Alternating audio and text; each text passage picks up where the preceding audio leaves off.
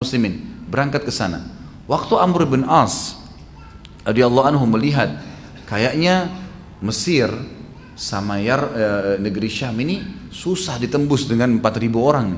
Gimana caranya nih? Dilihat kekuatan musuh, mata-mata bermas sudah ke sana sini, lihat ini nggak bisa nih. Ini negara besar ini, bukan main-main.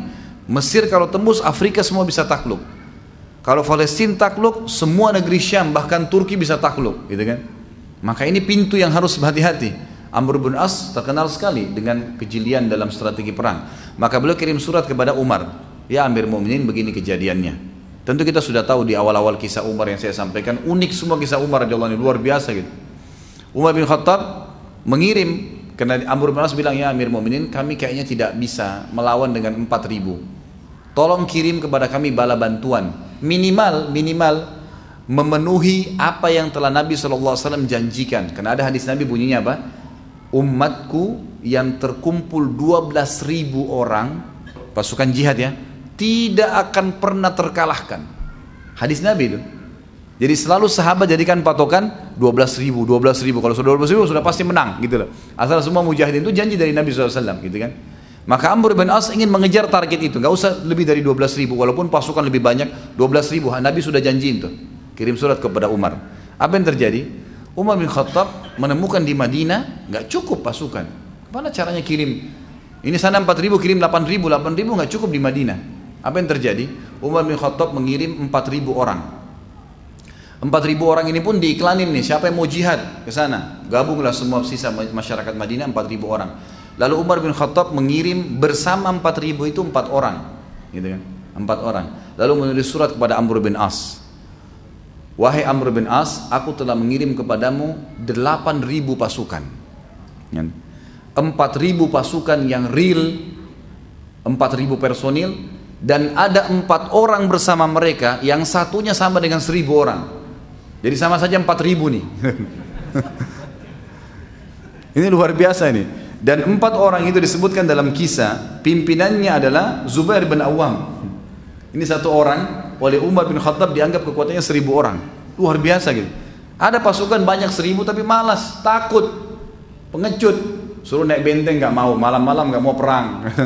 takut. Begitu jihad sembunyi di bawah kolom. Kayak sebagian orang, Allah alam siapa ini. Tapi begitulah. Tapi ini Zubair bin Awam, apa titah jihad langsung di depan. Bukan sembarangan orang-orang seperti ini luar biasa.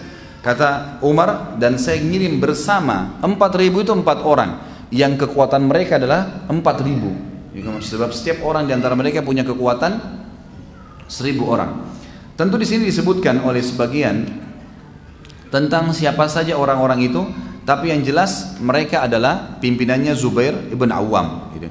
sebagian ya disebutkan bahwasanya yang dikirim adalah Zubair pimpinannya kemudian yang kedua Migdad Migdad ini tadi yang saya bilang juga sahabat Nabi yang mulia, ini juga orang yang sangat pemberani. Nanti ada bahasan sendiri tentang dia ya. Ini memang Umar juga hitung kekuatannya seribu orang. Kemudian yang ketiga Ubadah bin Samit. Ubadah bin Samit termasuk sahabat Nabi yang pemberani dan juga dia ahli faraid. Kemudian ada Maslama bin Makhlad. Maslama bin Makhlad. Ini juga nanti tentu ada bahasan nanti sahabat-sahabat yang mulia yang kita akan sempurnakan karena bahasan kita kurang lebih 100 sahabat nanti. Insya Allah. Tapi kita hari ini baru masuk yang keenam. Semoga Allah mudahkan. Ada sebagian ahli sejarah mengatakan yang keempat itu bukan Maslama tapi Kharijah bin Hudzafa radhiyallahu anhu majma'in. Jadi ini empat orang sahabat yang terkenal yang diutus oleh eh, Umar bin Khattab. Ringkas cerita adalah waktu tiba pasukan tersebut untuk penaklukan Mesir gitu kan. Maka ternyata Amr bin As ini kan itu ngirim surat ke Madinah lama. Ya dari negeri Syam dari wilayah perbatasan Mesir ke Madinah itu bisa sebulan jalan ngantar surat. Balasan Umar bin Khattab menyiapkan pasukan balik dari ke sana lama. Dan ternyata waktu Zubair bin Awam tiba di wilayah Mesir yang akan ditelepon oleh Amr bin As ini itu Amr bin As sudah mengepung selama tujuh bulan. Nggak berhasil berhasil. Jumlah pasukannya cuma 4 ribu tapi ngepung berhasil mengepung gitu kan. Begitu Zubair bin datang tanya Amr bin As, ada apa nih? Kita belum bisa tembus. Tanpa banyak ngomong nih. Zubair bin Awam langsung tarik beberapa temannya naik kuda kelilingin benteng itu. Dikelilingin sama dia semua, dilihat kondisinya. Disebarin orang-orang di situ dilihat sama kekuatannya di mana nih, gitu kan? Orang-orang yang di atas ini, yang musuh-musuh yang tadinya siapin panah, kalau ada yang mau coba nyerang, lihat ini pasukan sedikit segelintir, 5-6 orang tapi ngeliling. Kelilingin benteng itu semuanya. Dan Amr bin As tidak punya strategi ini awalnya. Begitu selesai, ternyata Zubair bin Awam untuk kelilingi, dia cari celah mana yang bisa naik di tembok nih. Begitu selesai dia balik, dia bilang sama Amr bin As, izinkan saya untuk bisa menembus benteng. Kata Amr, kalau bisa silahkan. Gitu kan. Ya sudah tujuh bulan kita kepung nggak bisa-bisa. Dia bisikin lima orang temannya, cuma lima orang nih. Kalau kalian dengar takbir saya, ikut dari belakang, gitu kan. Teman-temannya sudah tahu, Zubair bin ini suka melakukan strategi yang luar biasa. Gitu. Zubair bin Zubair ini akhirnya taruh tangga yang mereka buat kayak kita sekarang mungkin tangga kayu. Memang zaman dulu begitu. Kalau mereka mau nyerang tembok, mereka taruh tangga, mereka naik. Ya nasib-nasiban. Kadang-kadang dari atas dipanahin, kadang-kadang dilemparin apa timah panas lah, apalah. Apa namanya? E, seperti lumpur panas bukan timah maaf. Lumpur panas dipanasin terus di, untuk menjatuhkan musuh gitu kan? Tapi seperti itulah. Sebenarnya awam ini e, membiarkan pasukan tetap berdiri dan musuh ini mengira bahwasanya muslimin belum menyerang maka dia cari sisi tembok yang kosong lalu dia naik sendirian begitu dia naik sendirian dia naik kemudian dia bunuh beberapa orang di atas itu kemudian dia takbir Allahu Akbar temannya yang lima orang naik nih naik semua. Begitu naik, mereka lima orang ini masuk bobrak abrik di dalam sampai berhasil membuka pintu gerbang. Hari pertama tiba, yang tadinya Amr bin As sudah tujuh bulan ngepung nggak bisa-bisa. Hari pertama tiba sudah tembus benteng, gitu kan? Akhirnya Mesir takluk sampai kata ulama apa?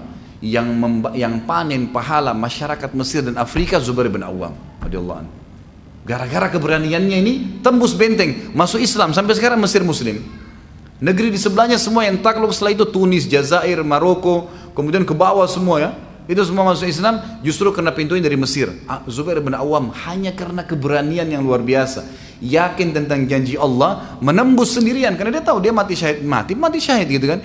Tapi kalau dia tidak mati berhasil kayak sekarang, menembus. Dan semua orang akhirnya ya di Mesir dan di Afrika pada saat masuk Islam dan sampai kapan pun itu terjadi Zubair bin Awan panen pahalanya. Hanya karena kiprah yang luar biasa di medan jihad.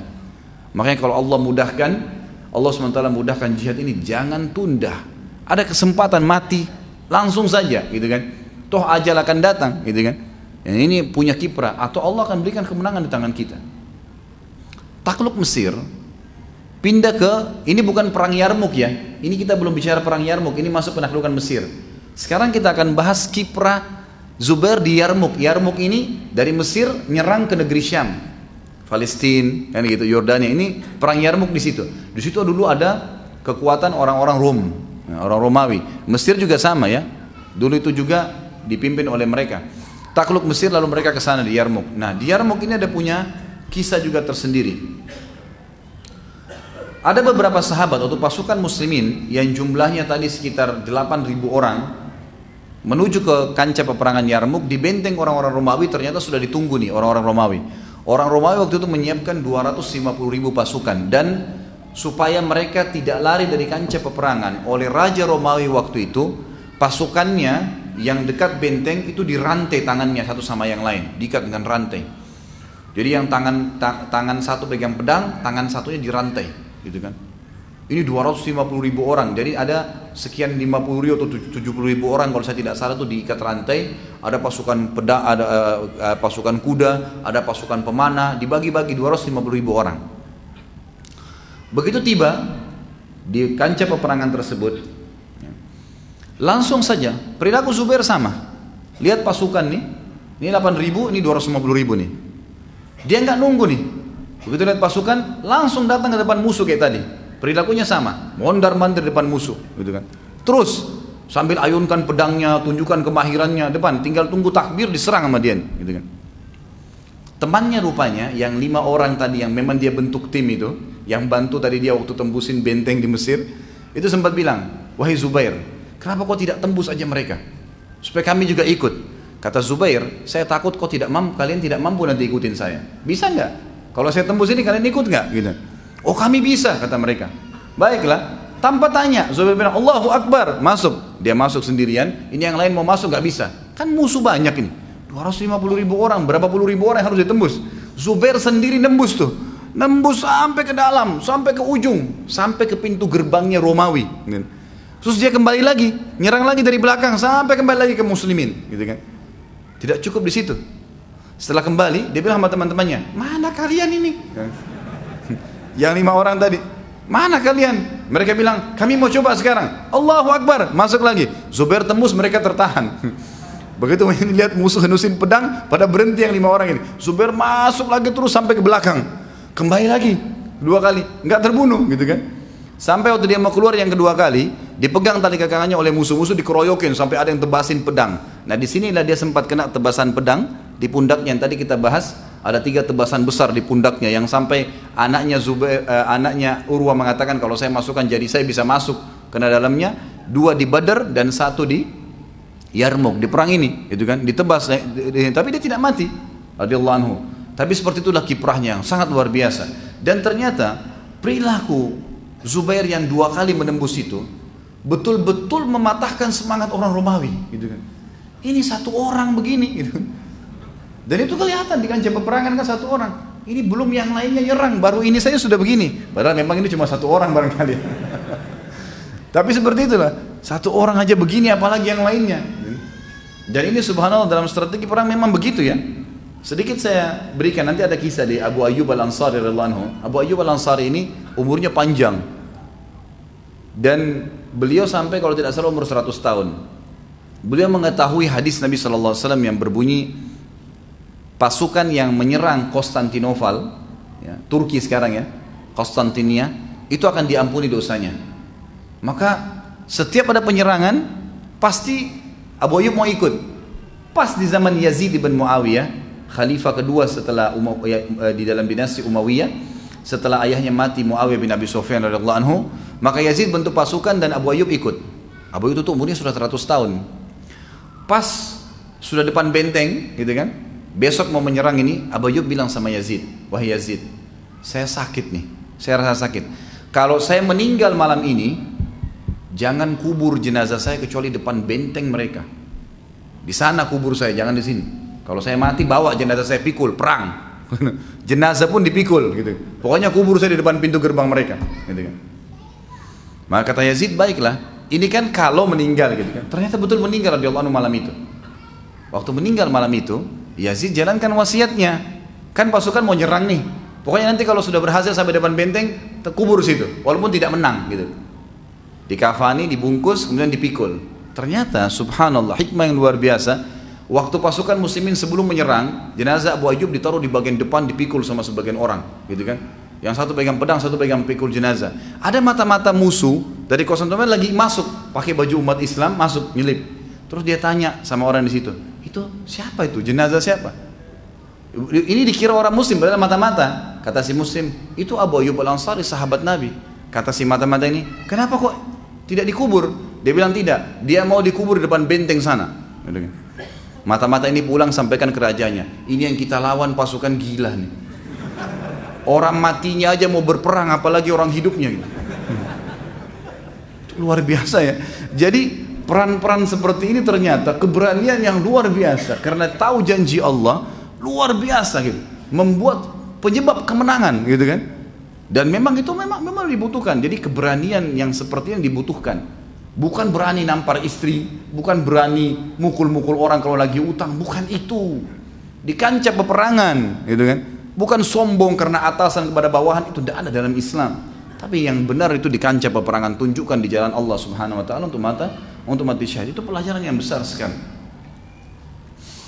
Para sahabat mengatakan Zubair benar-benar adalah seorang kesatria yang mengagumkan. Saat sahabat-sahabat lain menahan diri dan mereka tidak kuasa untuk menembus, maka Zubair menembus semuanya.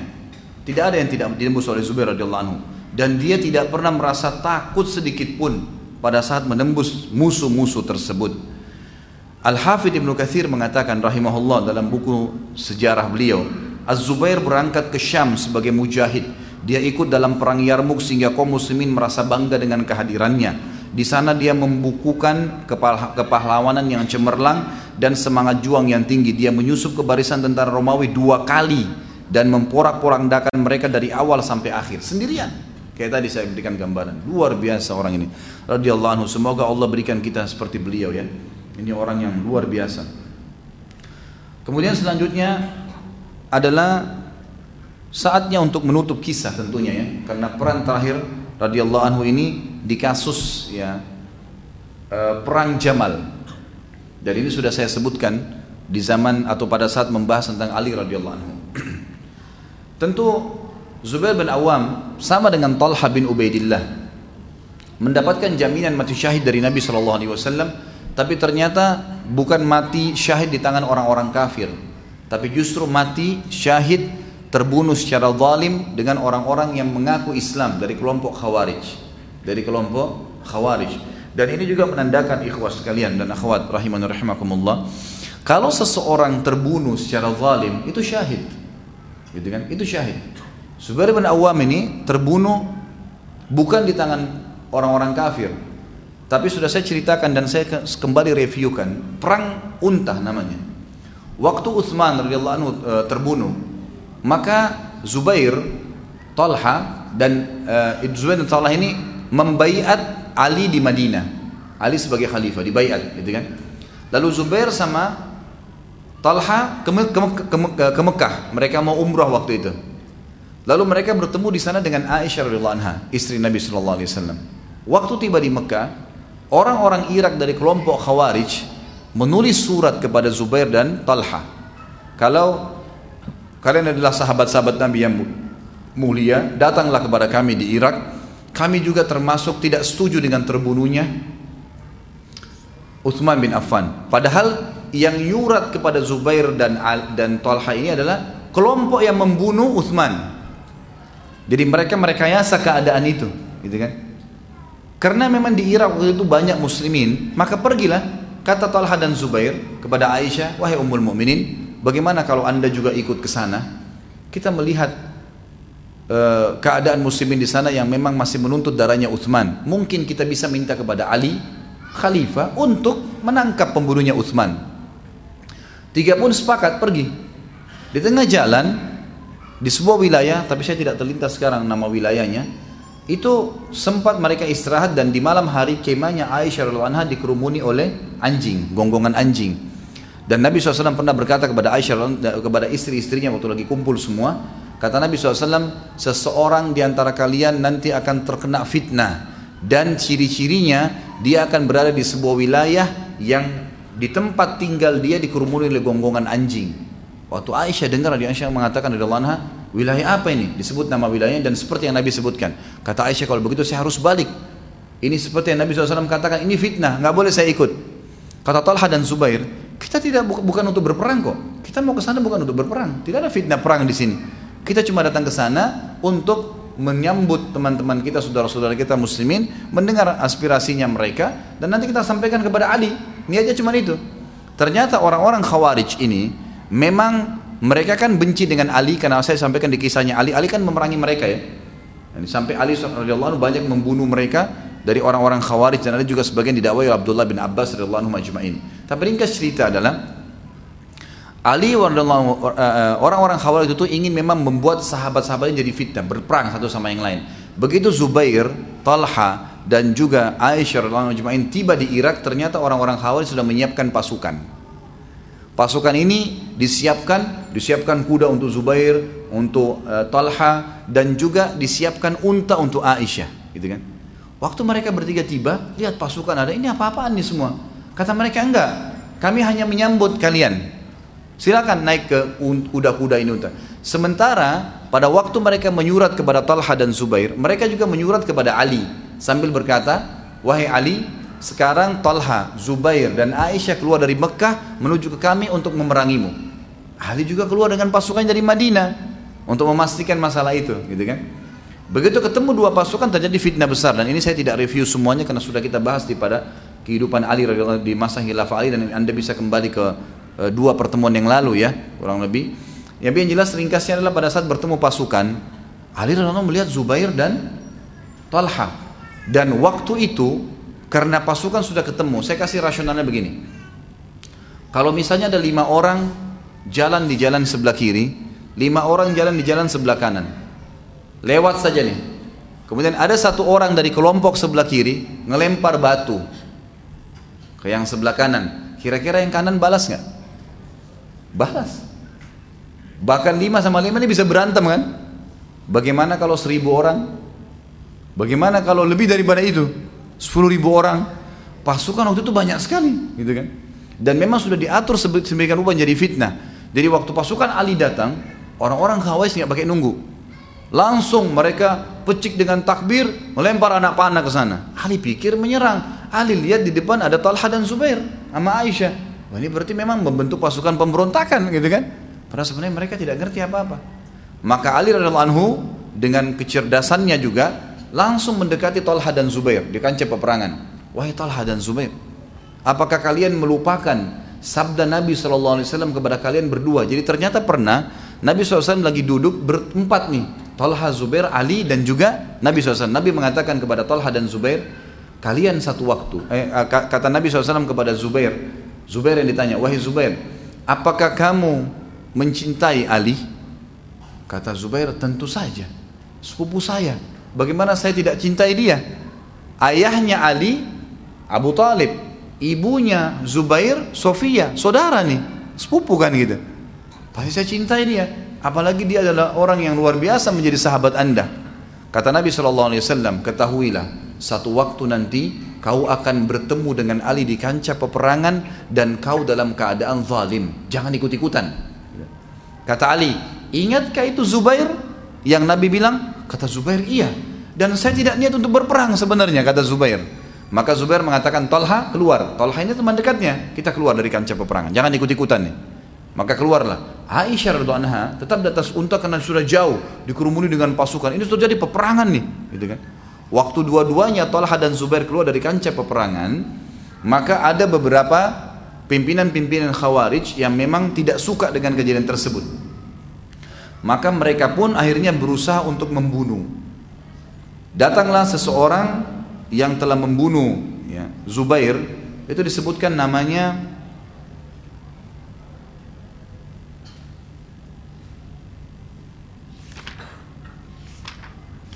Kalau tidak salah Ibnu Jurmuz ya. Saya lagi cari dulu. Iya, Ibnu Jurmuz betul. Jadi yang membunuh dia adalah Ibnu Jurmus ini salah satu pimpinan dari orang Khawarij yang datang waktu lihat Zubair sudah menyingkir ke samping lagi ngobrol sama Ali sama Talha dia datang dari belakang kemudian ditusuk langsung Zubair. Ditusuk langsung Zubair bin Awam dua kali dan Zubair mati. Kemudian Talha yang sudah kita bahas juga pertemuan yang lalu dipanah juga oleh seorang Khawarij yang akhirnya mati gitu kan? Tapi Ali mereka tidak berhasil bunuh. Ali tidak berhasil mereka bunuh. Ringkas cerita pada saat keduanya telah terbunuh Zubair dan juga ya, e, Talha, maka Ali radhiyallahu anhu menangis pada saat itu. Kemudian e, duduk di depan jenazahnya ya Zubair sambil dan juga Talha sambil Ali mencium keduanya dan mencium pedang keduanya. Sambil menangis Ali mengatakan demi Allah inilah pedang-pedang yang mulia yang senantiasa digunakan pemiliknya untuk membela Rasulullah sallallahu alaihi wasallam dalam segala peperangannya, dalam segala mara bahaya. Diriwayatkan Imam Ahmad, Ibnu Hibban dan Hakim juga At-Tabarani. Kemudian juga dalam riwayat lain dikatakan Zubair, uh, Ali radhiyallahu anhu berkata pada saat melihat jenazah Zubair yang tersungkur di depannya dengan Talha, dia mengatakan kepada anaknya, ya, Muhammad bin Hanafiyah namanya, Muhammad bin Ali namanya ya, tapi di, diambil nisbat Hanafiyah nama ibunya agar membedakan antara Muhammad dengan Hasan dan Husain radhiyallahu anhum ajmain. Karena Hasan dan Husain adalah anaknya Fatimah lebih mulia. Ya. Muhammad mengatakan aku ternisbatkan ke Hanafiyah ke ibuku karena aku posisiku di bawah Hasan dan Husain. Gitu kan. dia Ali mengatakan wahai Muhammad aku berharap aku mati sebelum hari ini karena ini fitnah yang sangat besar. Maka Ali pun akhirnya berhasil memberhentikan ya memberhentikan permasalahan itu yang memberhentikan permasalahan peperangan tadi ya dan memenangkan peperangan lalu memulangkan Aisyah ke Madinah. Karena kata Nabi SAW wahai Ali akan terjadi sesuatu masalah nanti dengan salah satu istriku. Tapi Nabi tidak sebut Aisyah gitu ya dan kalau terjadi itu kembalikan dia ke rumahnya di Madinah.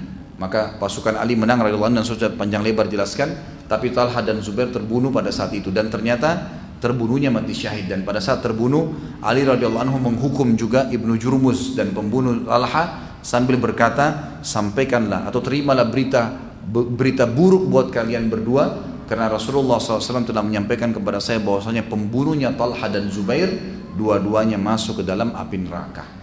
Maka terbunuhlah mati syahid radhiyallahu anhu ya pendekar dan saudara sepupu Nabi SAW ini seorang mujahid yang sangat luar biasa di mana memang beliau memiliki kedudukan yang sangat tinggi di mata agama kita dan juga di mata kita. Tinggal kita tutup dengan sedikit tambahan sebagai penutup dalam buku bahasan kita ini. Zubair radhiyallahu anhu sempat memiliki hutang, sebenarnya bukan hutang ya. Jadi pernah ada orang titipin amanah kepada beliau. Kemudian amanah itu beliau bilang kepada pemiliknya, ini bukan amanah, saya boleh simpankan, tapi ini dihitung utang saya. Jadi tetap saya hitung hutang, harus dibayar. Kalau sampai ada yang kurang, berarti ahli waris saya akan bayar. Maka Zubair sempat menitipkan pesan kepadanya Abdullah, anak pertamanya, wahai Abdullah, kalau sampai saya mati aman ini kembalikan. Kalau ada yang kurang sedikit pun bayar, gitu kan. Maka akhirnya Abdullah pun menjalankan amanah itu pada saat ayahnya mati syahid terbunuh dan Zubair bin Awam meninggalkan cukup banyak harta. Beliau meninggalkan harta jumlahnya disebut dalam buku-buku sejarah 50 50 ribu, 50 juta 200 ribu ya dirham. Ini kurang lebih teman-teman sekalian dikali dengan 50 ribu rupiah. Satu dirham sekitar 50 ribu rupiah kalau tidak salah sekarang. Kalau kita kali 50 ribu rupiah ini jumlahnya kurang lebih 2,5 triliun hartanya. Banyak kan? orangnya sudah pemberani, keturunannya banyak, kan gitu. Perannya luar biasa sahabat Nabi yang surga, kaya raya, gitu. luar biasa. Beliau meninggalkan harta sebanyak itu. Kemudian beliau meninggalkan empat orang istri dan disebutkan dalam buku ini salah satu istri mendapatkan warisan satu juta seratus dirham. Kurang lebih nilainya kalau rupiah ini 55 miliar. Ini jumlah harta yang ditinggalkan oleh Zubair bin Awar radhiyallahu dan akhirnya beliau e, mati syahid dan ditutup dengan kisah ini oleh penulis buku dan semoga saja insya Allah kita bisa dapat pelajaran dari bahasan beliau dan insya Allah pertemuan yang selanjutnya kita akan bahas tentang sahabat yang lain Abdurrahman bin Auf radhiyallahu anhu. Kalau ada yang punya pertanyaan silahkan. Masih ada waktu sekitar setengah jam. Ada yang mau bertanya? Atau semua sudah siap perang insya Allah? Nah, siap seperti Zubair gak? dobrak tapi siap yang benar jangan di sini siap nanti begitu di depan musuh lari jadi pada saat sahabat Nabi di perang Uhud itu sempat ya goncang gitu kan maka Allah SWT mengatakan laqad kuntum tamannawna al-mauta min qablu faqad ra'aytumuh gitu kan dulu kalian selalu rindu mau mati syahid iya saya mau saya mau tapi begitu ya, sudah berhadapan dengan mati syahid maka kalian tidak tidak berani melakukannya. Makanya harus punya jiwa yang besar sambil berdoa kepada Allah Subhanahu wa taala. Assalamualaikum warahmatullahi wabarakatuh. Barakallahu fiik Ustaz wa fika barak insyaallah. Setelah banyak mengkaji cerita sahabat-sahabat, mereka adalah orang-orang yang sangat luar biasa dalam segala hal dan yang paling mencolok adalah keberanian dan keperkasaan. Apakah kita sebagai Talabul ilmu wajib untuk membekali diri dengan hal-hal keberanian dan keperkasaan. Mungkin lebih spesifik perlu untuk melatih diri dalam bela diri. Tentu saja. Tidak usah dibahas masalah itu, itu harus. Antum harus belajar bela diri. Kuasain semua seni bela diri. Yang penting jangan ada kemusyrikan. Nggak ada tenaga dalam, tenaga dalam. Tidak usah tenaga dalam. Ini semua pakai jin-jin. Itu gak mungkin. Kalau tenaga dalam ada di zaman Nabi, Nabi sudah pakai, sahabat sudah pakai. Yang ada keterampilan. Zubair bin pakai pedang, ayunkan tangan, bukan dari jauh dorong orang. Jadi keterampilan yang benar. Seni bela diri semua kuasai. Antum juga perlu mengetahui segala jenis senjata-senjata yang ada, nama-namanya, fungsi-fungsinya. Bukan untuk membuat kerusakan, tidak. Tapi Allah mengatakan dalam Al-Quran, A'udzubillahi minasyaitonirrajim wa'iddu lahum mastata'tum min quwwatin wa min ribatil khairi turhibuna bi aduwallahi wa aduwakum. Kata Allah SWT, persiapkan dari diri kalian. Dan ini berlaku bagi semua muslim. Gitu kan? Keterampilan-keterampilan kalian yang bisa membuat kalian menakut-nakuti musuh Allah atau bahkan memerangi mereka. Ya, memang itu ada. Dan dalam riwayat dikatakan Nabi Muhammad SAW setiap hari setiap hari. Kalau bukan habis subuh, habis e, duha, maka habis asar. Berkumpul dengan para sahabat dan mendukung mereka, menunggangi kuda, mereka memanah, ya bahkan yang sering Nabi SAW lakukan dengan para sahabat mereka bergulat, gitu kan?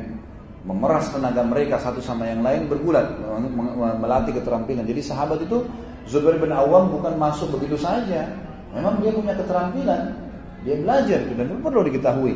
Kalau zaman sekarang mungkin ada pedang, ada pisau kayak zaman dulu dipakai, mungkin juga ada senjata-senjata, senapan, apa saja jenis-jenis senapan itu dibaca keterangannya, informasinya. Itu kan itu baca, bukan untuk digunakan sebagai orang yang melakukan dengan terorisme atau mengancam orang itu jauh sekali dari agama.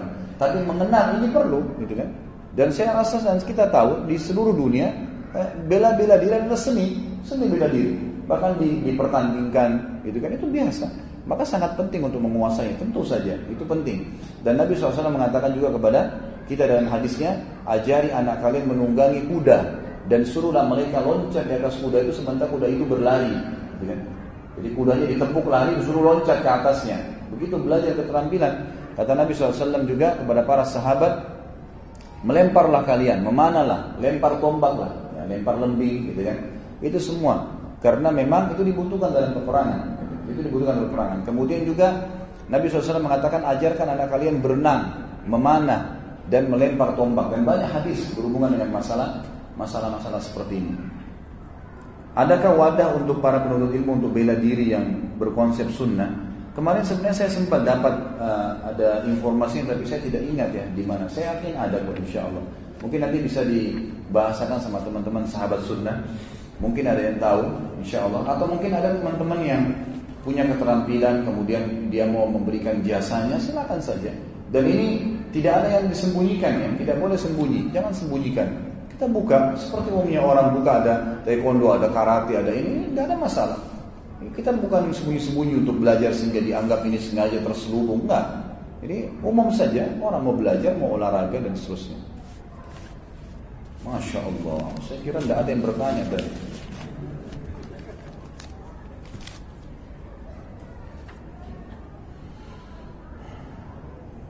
Assalamualaikum warahmatullahi wabarakatuh. Waalaikumsalam warahmatullahi wabarakatuh. Jazakallah khair atas semua jawaban dan pertanyaan saya via SMS, WA atau saat kajian. Wa iya insyaallah. Tapi yang tidak ter, belum terjawab, mohon maaf ya. Ini SMS di HP saya 300 kan. 321 hari ini. Saya jawab 20 masuk 50 gitu kan. Di WhatsApp juga begitu. Masuk sekian puluh sampai ada seorang ikhwan di Makassar kemarin tidak sengaja saya lagi buka HP saya, sepupunya minta nomor HP Terus dia bilang, hati-hati kalau SMS ke Ustaz Khalid, kadang-kadang kecewa, itu karena lama dijawabnya. Terus saya buka HP saya, tidak sengaja saya lagi mau buka SMS, dia lihat rupanya dia lagi bawa mobil. Dia lihat, kemudian dia lihat SMS sebelum dibuka kotak pesannya itu tertulis 251. Dia bilang, sebentar Ustaz, saya mau foto dulu. Difoto sama dia SMS-nya. Ini lihat nih SMS-nya Ustaz Khalid ini 251 belum dijawab. Padahal sudah 500 lebih saya jawab gitu kan. Itu yang tertinggal. Jadi insya Allah kalau antum sudah sempat dijawab, alhamdulillah. Tapi yang belum terjawab saya usahakan ya. Makanya sampai di BlackBerry saya sudah tidak aktif sama sekali karena terlalu banyak di email terlalu banyak, di WhatsApp terlalu banyak ya, dan juga di SMS. Jadi mudah-mudahan saja antum bisa mengerti masalah itu dan tidak ada maksud untuk tidak menjawabnya. Saya bekerja di instansi, sebuah instansi, bolehkah kita menolak jabatan yang kita tahu bahwa di dalamnya ada rekayasa data pungutan tidak resmi kepada rekanan? Tentu boleh saja, malah bagus. Ada dalam agama kita kan sebuah uh, titik penting, ya, pegangan penting dalam hidup kita, faedah penting namanya muru'ah.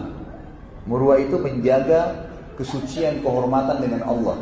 Saya kasih contoh. Para ulama hadis ya, itu mereka bukan hanya meninggalkan yang haram, tapi mereka meninggalkan yang makruh. Misal, makan berdiri. Mereka menganggap kalau makan berdiri, hukumnya makruh sebenarnya tapi itu mencoreng muruannya dengan Allah.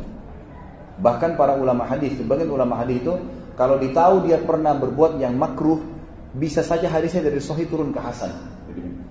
Saking pentingnya mereka menjaga muruah itu, gitu kan?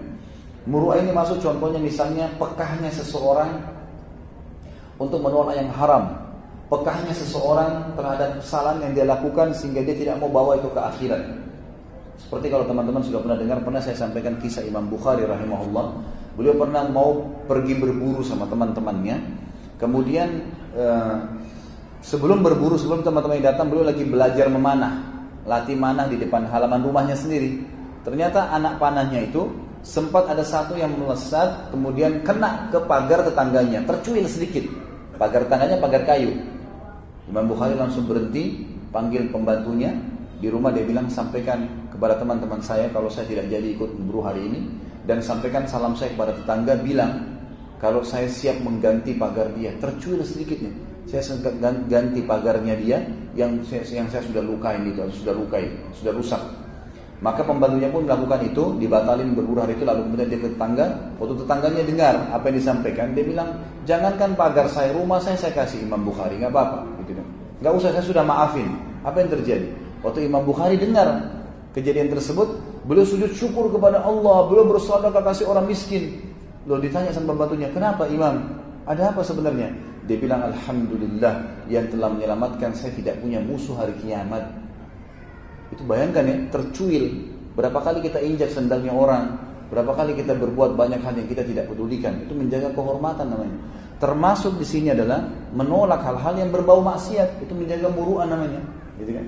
Kalau ini ide yang sangat bagus. Kalau antum tahu jabatan itu berbahaya dan ini bisa mengganggu ibadah, bisa mengganggu apa saja. Bahkan ada seorang ikhwan datang kepada saya kemarin habis tablik akbar juga di Makassar. Ustaz saya ini mau, mau bukan di Bontang ya. Di awal Ramadan kemarin dia bilang Ustaz saya mau kuliah ke Amerika. Bagaimana saran Ustaz? Lebih baik saya berangkat atau tidak? Saya tanya, memang darurat antum berangkat? Dia bilang sebenarnya tidak sih, cuman ini ada kesempatan saja untuk S2. Di negara Islam tidak ada, ada. Lalu kenapa harus ke sana? Di sana itu negara kafir, walaupun ada musimnya, tapi tinggal di negara kafir ada konsekuensi hadis Nabi. Ana bariun mimman asya baina adhuril musyrikin kata Nabi. Saya berlepas tangan dengan orang-orang yang hidup di negara-negara orang kafir. Bukan tidak boleh, boleh. Tapi kata Nabi saya berlepas tangan. Artinya begini, kalau nanti kamu susah sholat, kalau kamu mati nanti di kuburnya susah, cari makanan halal susah, ya itu konsekuensi kamu.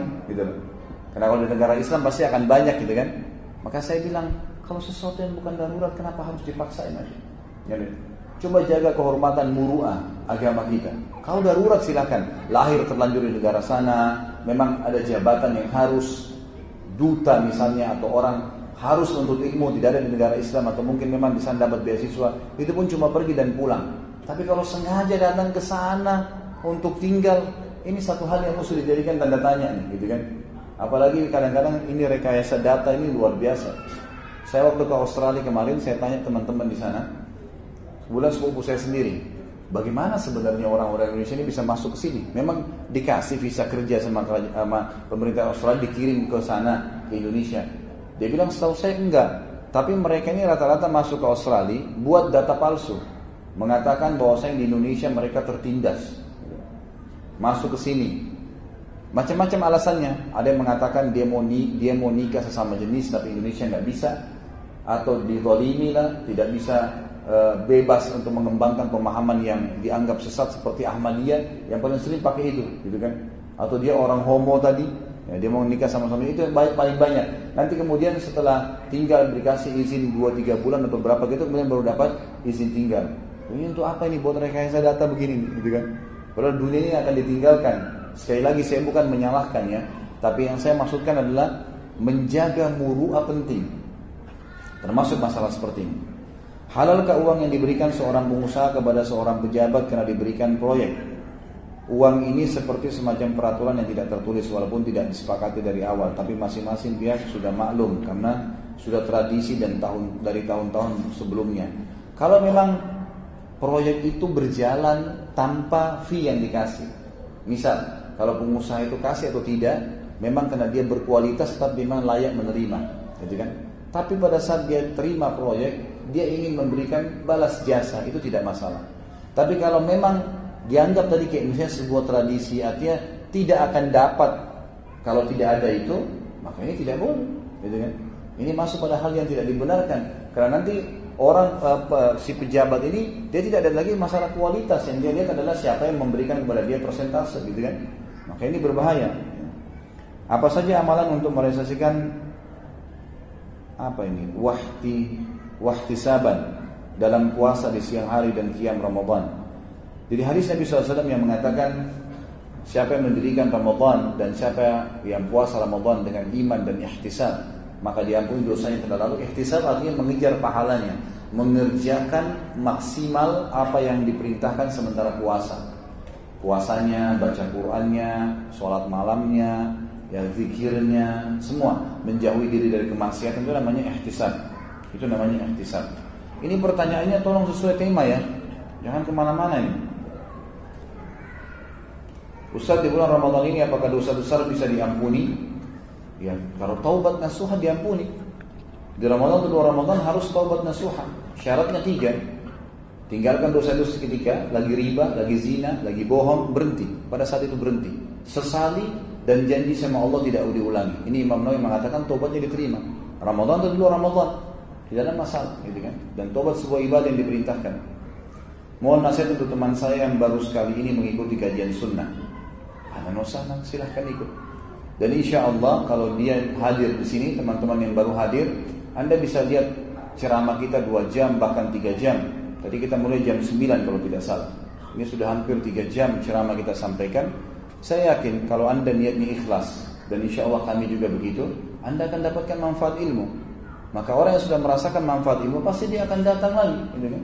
Pasti orang akan datang karena tahu ini ada manfaatnya. Ini bukan duduk majelis kosong, ngakak-ngakak, ketawa-ketawa atau lawak. Ini majelis ilmu yang bisa, subhanallah bisa dari sekian kisah yang saya sampaikan tadi, bisa saja satu kisah itu sudah mengubah hidup antum menjadi jauh lebih baik sampai meninggal. Bukan mustahil.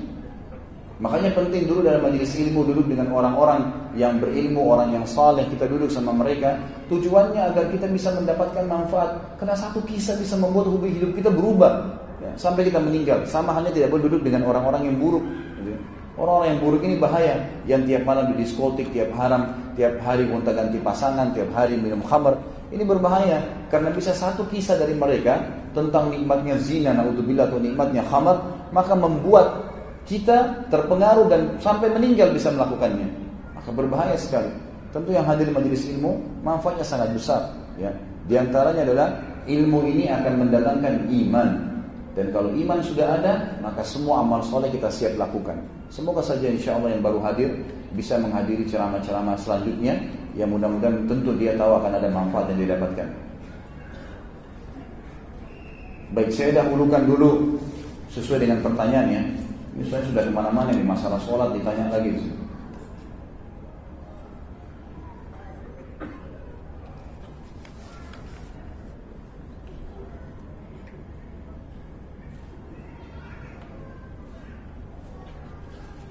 Baik, ini pertanyaan sesuai dengan tema.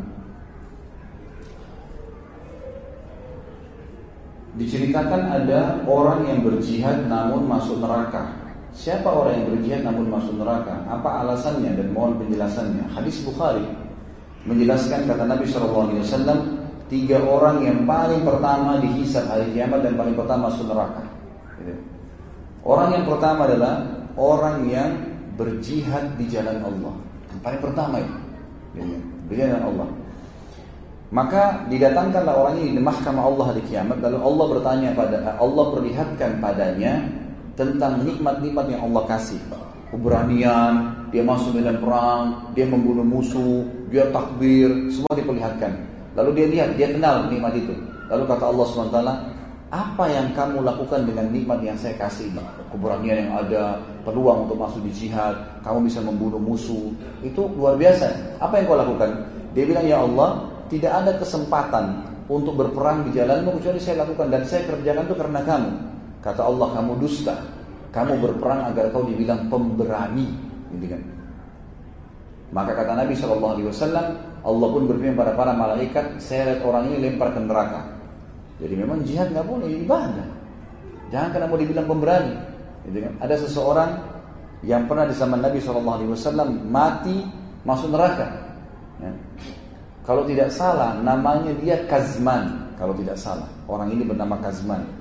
Jadi dia masuk medan perang, dia waktu di perang Uhud tuh, dia perang sana sini, banyak menyerang musuh di awal-awal peperangan, bahkan membunuh beberapa. Beberapa sahabat mengatakan orang ini ahli surga nih. Kapan dia terbunuh luar biasa. Karena juga ada hadis Nabi SAW yang berbunyi, tidak akan bersatu antara seorang mujahid dengan orang kafir yang dia bunuh di medan perang.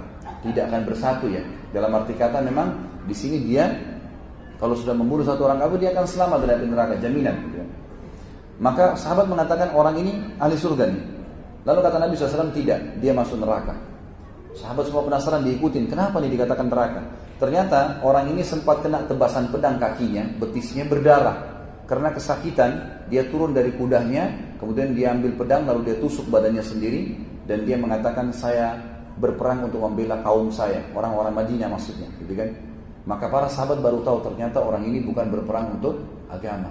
Jadi karena keberanian, hanya karena masalah membela kaumnya saja, gitu kan? Bukan karena membela agama Allah itu sebabnya, tentu saja, gitu kan? Itu sebabnya. Allahu alam itu yang saya ketahui.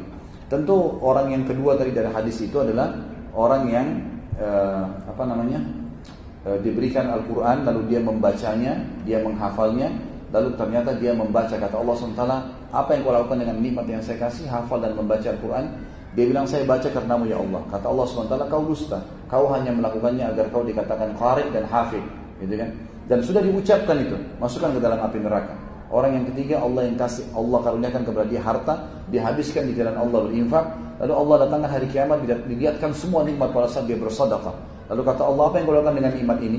Dia bilang saya bersedekah di jalanmu ya Allah. Kata Allah bohong kamu bersedekah agar kau dikatakan orang yang ringan tangan atau pemurah maka dilemparkan ke dalam api neraka Allahu alam Bagaimana jika ada niatan poligami namun istri tidak setuju dan mengancam cerai?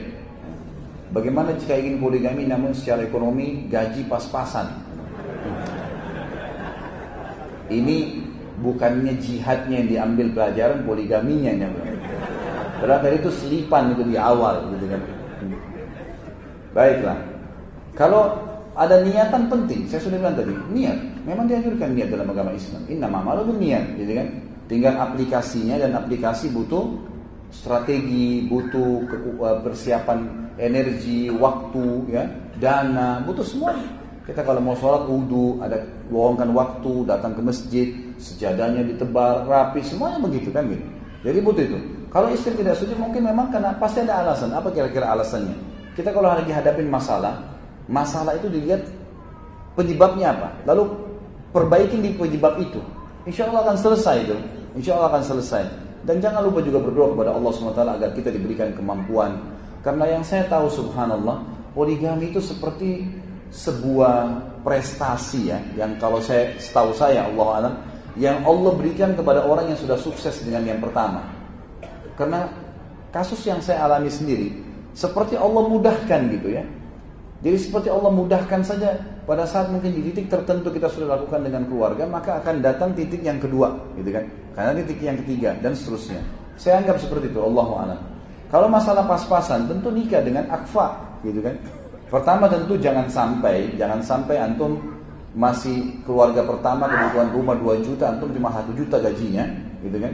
Masih kurang sejuta, kadang-kadang harus utang sana sini, lalu mau poligami, ini jangan ya. Ini belum bisa, belum mampu namanya, belum bisa. Keluarga kedua pasti akan dihidupin juga, gitu kan?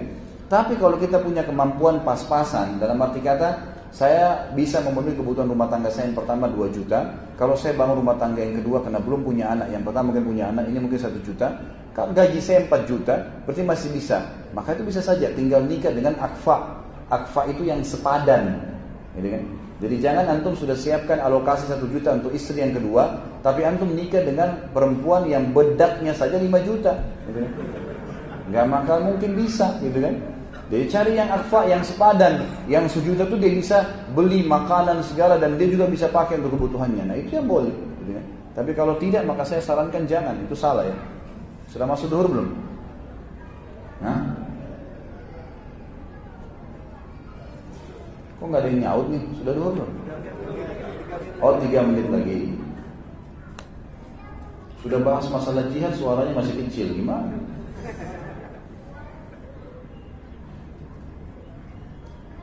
Ini ikhwan pertanyaannya coba sesuai dengan tema ya. Ini ke mana-mana bahasannya.